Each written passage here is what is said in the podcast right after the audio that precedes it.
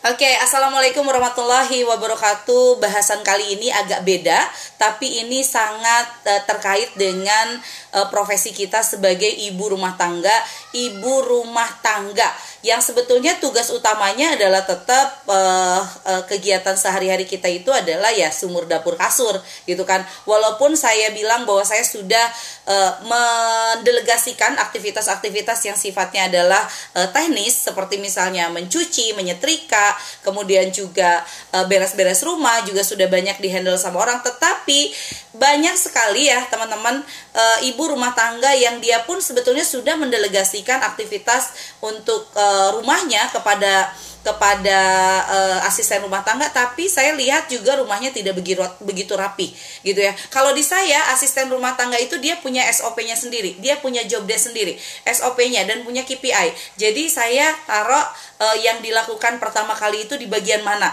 gitu. Kemudian cara beres-beres uh, lemari itu seperti apa. Jadi sebetulnya yang saya lakukan itu saya yang akan saya delegasikan itu adalah yang saya lakukan dulu sebelum saya delegasikan kepada uh, orang lain gitu. Kita harus tahu dulu cara beres-beres rumah yang benar itu seperti apa cara nyuci baju yang benar itu seperti apa cara nyapu lantai yang benar itu seperti apa. Nah baru kita kemudian akan delegasikan kepada orang dengan sangat baik. Kenapa sih saya ajarkan uh, tentang beres-beres rumah tentang menata rumah di hari ini? Karena saya banyak menemukan ibu-ibu yang mereka kemudian getol online shopan kemudian dia sibuk di online shopnya dia lupa untuk beres-beres. Saya beberapa kali ketemu atau bertandang ke sebuah rumah ibu-ibu online shop dan masya Allah rumahnya wow wow pokoknya itu rumah atau gudang saya nggak ngerti ya tetapi alasannya cuma satu online shop saya lagi rame teh saya nggak sempat beres-beres Padahal ada dua caranya, menyediakan waktu tetap atau memang mendelegasikan hal tersebut kepada orang lain. Karena teman-teman e, tahu e, tahukah teman-teman kalau rumah yang kotor itu tempatnya jin? Ya, sehingga kalau misalnya teman-teman ter uh, tiba-tiba malas tiba-tiba sedih tiba-tiba uh, apa namanya itu pengen marah-marah dalam kondisi rumah berantakan seperti itu karena ada turut serta jin di dalamnya. Rumah yang kotor itu ya, rumah yang kotor itu dia akan memperbanyak jumlah jin di dalamnya. Setiap yang kotor-kotor itu akan akan menambah jumlah jin di dalamnya. Sehingga itulah yang membuat kita sendiri itu secara hati itu sebenarnya tidak menjadi stabil. Ya karena apa? Ya karena ada jin yang turut serta di dalamnya yang ikut manas-manasin ikut ngipas-ngipasin gitu kan. Nah makanya saya pengen teman-teman juga punya rumah yang rapi. Rumah yang rapi rumah yang bersih rumah yang nyaman rumah yang menyenangkan. Tidak harus rumah itu bagus tidak kok. Rumah saya juga tidak begitu bagus biasa aja. Tetapi saya rawat dengan sepenuh hati. Ya. Tapi teteh kalau punya anak kecil suka berantakan lagi dan berantakan lagi itu adalah salah satu tantangan buat kita bagaimana mengajarkan anak kita untuk rapi sejak dini. Kalau dia sudah uh, berantakin kemudian dikasih uh, apa namanya itu kotak, ayo nak masukin ke dalam kotak gitu. Jadi saya itu ada yang namanya sudut berantakan. Di mana kalau saya nggak sempat untuk beres-beres gitu kan, yang itu adalah uh, harus dibereskan sebetulnya saya taruh di satu sudut yang itu tidak begitu terlihat yaitu namanya sudut berantakan. Bukan berarti bahwa semua sudut akan berantakan, satu sudut saja, yang lainnya harus beres. Misalnya nih, ada uh, uh, ini ruang tamu anak kita uh, apa namanya tuh bikin berantakan di sini. Saya sapu aja dulu ke sudut berantakan ya sebelum saya sempat untuk uh, menyelesaikan uh, semua pekerjaan atau membereskan rumah tersebut. Jadi disapu dulu ke sudut berantakan sehingga tidak semua uh, ruangan kita menjadi berantakan gara-gara kita punya anak yang uh, apa namanya tuh yang sukanya itu lagi ngulik, lagi pengen uh, apa namanya tuh lagi pengen ngaca-ngaca kayak begitu. Nah, hal itu juga sangat penting untuk teman-teman. Di mana ruang berantakannya itu?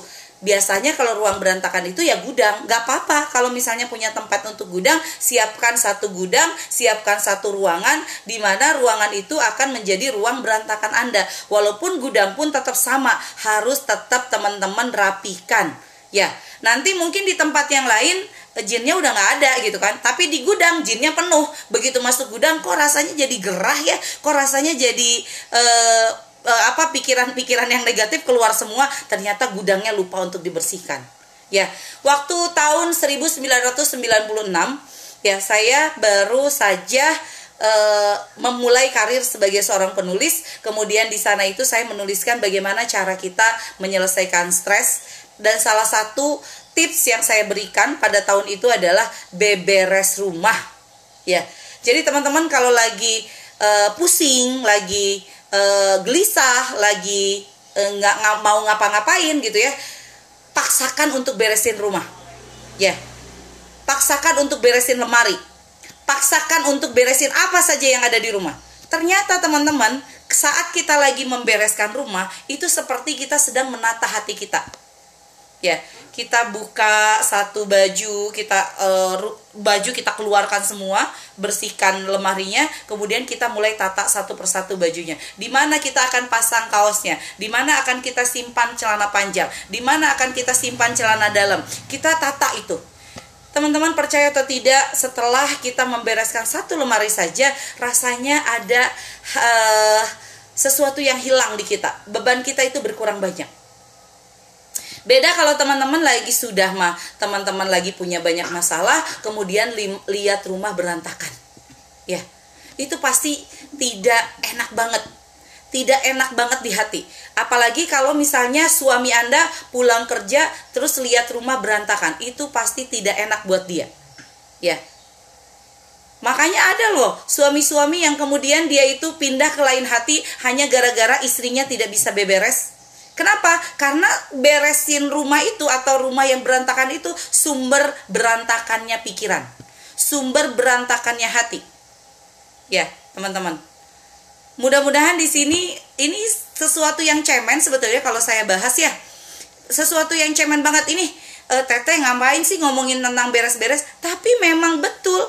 Ini sesuatu yang harus teman-teman mulai e, miliki sehari ini. Rumah pastikan selalu nyaman, rumah selalu beres dan itu yang akan dijadikan role model bagi anak-anak kita. Ya. Sepele tapi memang sangat penting terkait dengan beres-beres rumah ini. Ya.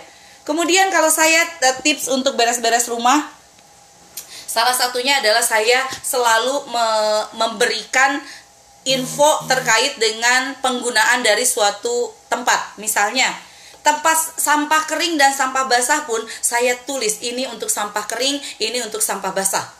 Kemudian uh, ini lemari ya, karena lemari saya itu berjejer empat ya. Ini lemari Nanit, lemari Amar, lemari Ayah, kemudian lemarinya Bunda.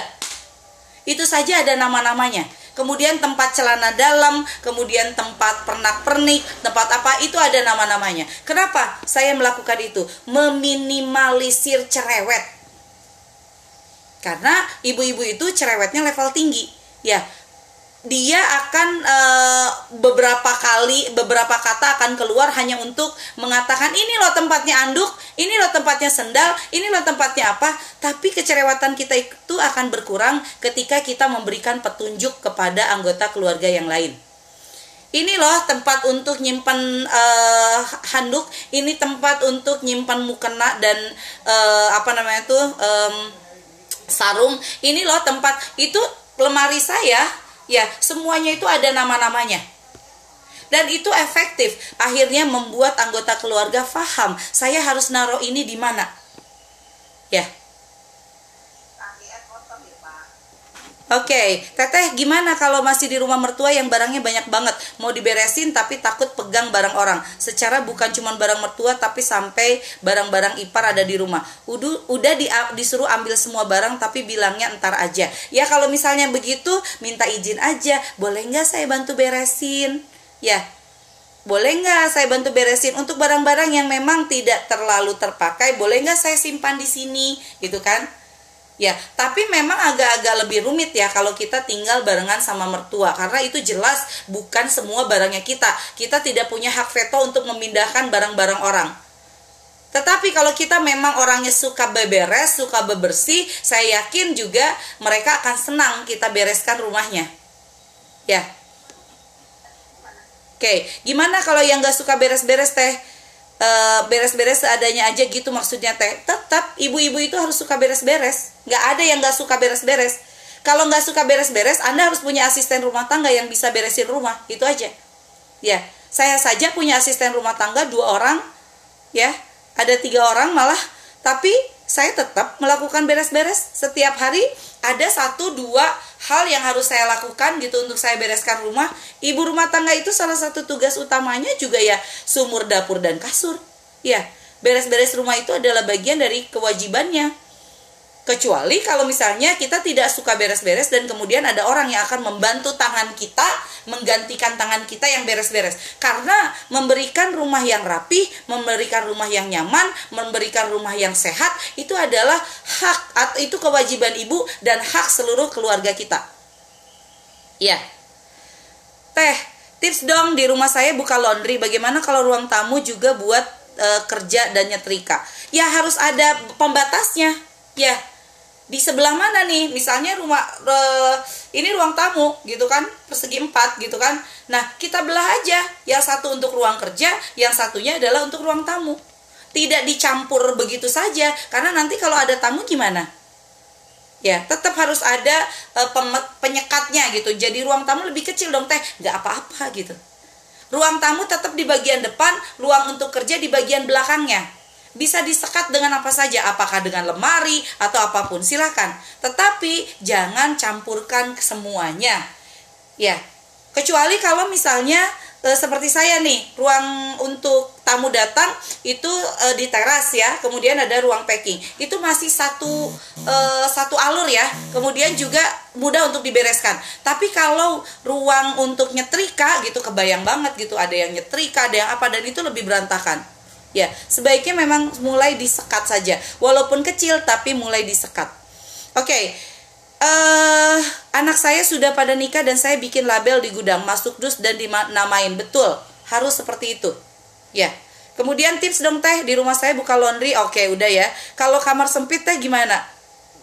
Padahal pengen punya tempat sholat tahajud di kamar sendiri. Bingung naruh tempat tas dan baju yang jarang dipakai. Kalau tas dan baju yang jarang dipakai, sedekahkan saja. Teman-teman tahu atau tahu nggak sih? Saya itu punya makanya teman-teman kalau lihat saya itu pakai uh, pakai kerudung gini-gini aja, pakai kerudung warna merah-merah saja karena kerudung saya tidak banyak. Ya, saya sering di endorse tapi saya hanya satu kali pakai kemudian saya sedekahkan. Baju saya kurang dari 10 setel Kenapa? Karena saya tidak mau rumah saya itu jadi tempat sampah. Kok bisa teh jadi tempat sampah? Barang-barang yang tidak terpakai dan masih ada di rumah kita, artinya rumah kita itu adalah tempat sampah. Ya. Jadi saya itu cuma punya dua uh, sepatu, ya, sepatu dan sendal. Kemudian saya juga punya baju uh, kurang dari 10, ya. Terus uh, dulu saya koleksi buku-buku, uh, buku-buku itu sampai satu ruangan penuh Kemudian sekarang yang sudah uh, saya lakukan adalah mem, me, bukan membuang, yaitu membuang menjadikan sedekah buku-buku saya. Dan sekarang buku saya tidak lebih dari satu uh, rak buku saja. Menurut saya itu jauh lebih bermanfaat. Ya. Ya, jadi kita cukup punya sesuatu tuh yang memang pasti kita pakai hmm. saja. Ya, kita punya mobil tiga, belum tentu juga semua mobil dipakai. Lah, lawong kita pakai mobil nggak langsung tiga-tiganya. Ya, saya punya mobil satu dan itu saya pakai untuk keluar masuk atau belanja barang sampai pembelanjaan furnitur suami saya kayu pakai mobil itu. Maka yang saya lakukan adalah membeli mobil yang yang ukurannya besar. Bukan saya menambah mobil, ah yang satu untuk e, mobil keluarga, yang satu untuk mobil bisnis, enggak. Kenapa? Hisabnya berat. Ya, Nah, semakin berkurang barang-barang kita, teman-teman, semakin ringan langkahnya kita. Teh kalau di Jogja ada yayasan keluarga, boleh dong teh kalau yang di Jogja yang mau nyumbang baju dan lain-lain kan ya. Nih, silakan. Yang mau nyumbang mangga, itu ada Mbak Wulan Katanya kalau mau menyumbang baju silahkan. Teman-teman percaya deh.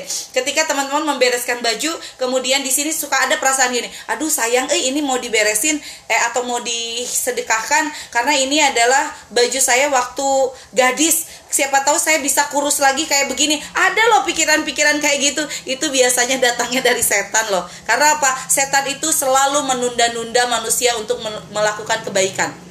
Ya, makanya saya bilang ketika teman-teman sudah mampu menata rumah, hanya me, e, di rumah itu hanya menjadi tempat yang pasti sudah kita pakai saja, yang sudah yang akan kita pakai setiap saat, setiap hari bukan yang akan kita pakai sebulan sekali, yang akan kita pakai tiga bulan sekali. Itu insya Allah teman-teman ringan langkah kita itu. Kalau teman-teman lihat ke rumah saya, sederhana banget rumah saya itu. Ya, kalau saya beli furnitur, furnitur yang lain saya sedekahkan. Kalau saya beli baju, beli baju ya baju yang dulu saya sedekahkan. Ya, dan ternyata dengan minimalis itu, ternyata ide kita itu malah maksimalis banget. Ya, tidak banyak yang harus kita bereskan. Tidak banyak yang harus kita pikirkan, tidak banyak yang harus kita uh, laundrykan misalnya. Ya, Oke, bener teh semua koleksi yang kita punya akan dipertanggungjawabkan di akhirat, akan dihisap. Saya juga punya sedikit koleksi, ya. Mudah-mudahan teman-teman dari sini langsung belajar untuk bisa, aduh, saya punya mukena sampai 5 nih.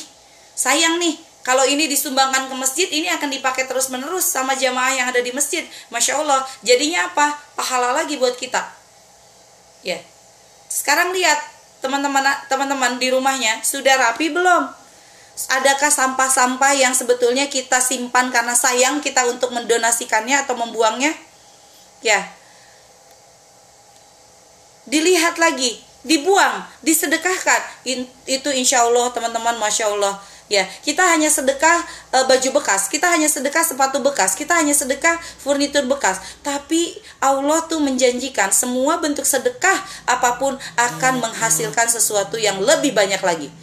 Siapa tahu dari keberanian teman-teman untuk menyedekahkan eh, baju-baju uh, yang jumlahnya sangat banyak itu ternyata meringankan teman-teman untuk belajar tentang dunia penjualan. Eh, hasilnya apa? Hasilnya closing lebih banyak. Hati yang tenang itu, pikirannya itu akan semakin ringan Hati yang tenang itu bikin kita itu punya banyak ide. Hati yang tenang, hati yang rapi, gitu kan, seperti halnya rumah kita, itu yang membuat diri kita itu insya Allah sangat-sangat mudah untuk menemukan ide-ide baru. Teh baju yang gak layak pakai lebih baik dibakar atau kayak gimana? Kalau saya dijadikan lap, ya tapi tidak layak pakai itu tidak layak pakai kata siapa gitu. Kadang-kadang kita misalnya kayak sobek-sobek kayak begitu saya kasih dulu ke tukang jahit tolong dong yang sobek-sobek ini dibenerin dulu. Kemudian itu masih bisa disedekahkan. Nggak layak pakai menurut kita masih layak pakai menurut orang yang memerlukan. Ya. Lebih plong saat barang yang nggak dipakai dikeluarkan disedekahkan hati bahagia nggak punya beban. Betul jadi lihat rumah Anda, apakah rumah Anda itu adalah penimbun sampah atau rumah Anda itu sudah secukupnya yang Anda pakai. Ya. Saya itu awalnya selalu ditegur sama mertua saya karena hobi banget ngasihin apa aja. Ya. Ini kan masih bagus, kenapa dikasih lama-lama orang tua uh, orang tua dan mertua saya paham. Oh, begitu cara saya mengelola uh, perlengkapan rumah atau mengelola rumah sekarang biasa-biasa aja gitu kan setelah tahu ah paling di Iin udah nggak ada. Barang yang satu bulan sudah dipakai dan itu Iin punya yang baru ya sudah paling sama Iin udah nggak ada gitu. Itu sampai adik ipar saya itu dari awal dia menikah tidak pernah beli furnitur. Karena furniturnya itu selalu dari kakaknya atau dari saya. Ini saya beli eh, apa namanya itu lemari baru lemarinya simpan di dia kemudian dan nanti dari dia sudah banyak dia sedekahkan lagi ke orang gitu. Jadi kayak begitu berputar gitu. Ternyata gitu kan e, untuk kita tidak layak untuk orang mah itu masih sangat layak. Dan itulah yang menurut saya itu yang sangat meringankan langkah saya setiap hari. Karena mata saya itu tidak terlalu banyak melihat sesuatu yang sifatnya itu tidak terpakai. Ya Oke, okay, teh, saya tipe punya jarang punya koleksi baju malah hari ini sudah mulai beberes. Maklum saya ibu rumah tangga, kok malah pas teteh memberi info tentang manfaat beberes, jadi makin semangat beberes beberes mak sambil solawatan jadi makin berkah. Masya Allah. Ya, Mbak Hana, Mbak Wulan boleh mantan nomor WA-nya ada di atas Mbak Hana, tinggal scrolling ke atas. Saya alhamdulillah teh sedekah baju untuk baju yang gak layak digunting, dijadikan lap, dijahit, bagi-bagi ke orang buat lap bersih-bersih. Ya, bisa apa aja. Yang penting adalah jangan buat rumah Anda menyimpan sampah. Teh, saya teh hobi ngumpulin boneka, manfaatnya apa? Ngumpulin boneka. Teh, saya teh hobi ngumpulin sepatu, ada manfaatnya ngumpulin sepatu? Nggak ada. Ya, itu sampah. Kalau Anda lihat artis-artis sampai punya rumah, terus punya rumah khusus untuk bajunya, untuk uh, untuk uh, apa namanya itu sepatunya untuk apa pun gitu. Mungkin itu karena profesinya. Tapi juga dipikir-pikir buat apa ya gitu. Apalagi kita yang bukan artis gitu. Kayaknya teman-teman juga pak lihat saya pakai ini lagi pakai ini lagi. Saya punya e, punya kerudung itu dua yang seperti ini. Satu dicuci kemudian satu dipakai. Nanti siang yang udah dicuci itu udah kering. Saya pakai lagi besoknya. Ya teh di rumah banyak pemberian ortu dan saya nggak terlalu uh, sorry. Saya nggak terlalu membutuhkan barang itu tapi saya nggak enak sama ortu kalau mau saya sedekahkan. Gimana solusinya? Diskusi sama orang tua. Ini akan lebih bermanfaat mah ibu bapak kalau misalnya kita sedekahkan atau saya sedekahkan. Ya jadi komunikasi dengan orang tua dan tidak mudah loh komunikasi dengan orang tua untuk memberikan barang yang kita uh, miliki kemudian diberikan. Tidak mudah, tetapi kalau perlu tanpa izin orang tua pun kalau menurut saya tidak apa-apa. Toh barang udah dikasihkan ke kita. Ya. Saya sering dikasih baju, jam tangan dan tas kakak saya alhamdulillah bisa bermanfaat, masya Allah. Oke, okay, barang masuk, barang keluar itu moto saya. Dapur harus rapi seperti ruang tamu.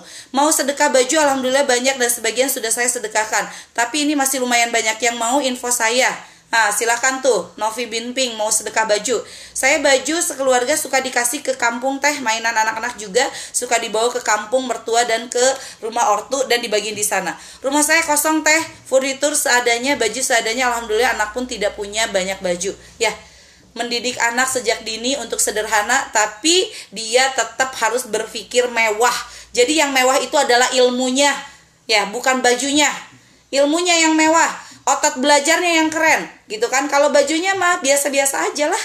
Ya, bukan berarti kita harus punya baju yang jelek tidak gitu, tapi baju yang memang sepantasnya saja, jangan berlebih-lebihan. Ya, insya Allah kalau teman-teman berani melakukan itu silahkan sekarang beres-beres mana yang harus disedekahkan, mana yang udahlah saya mah cukup segini aja, silahkan.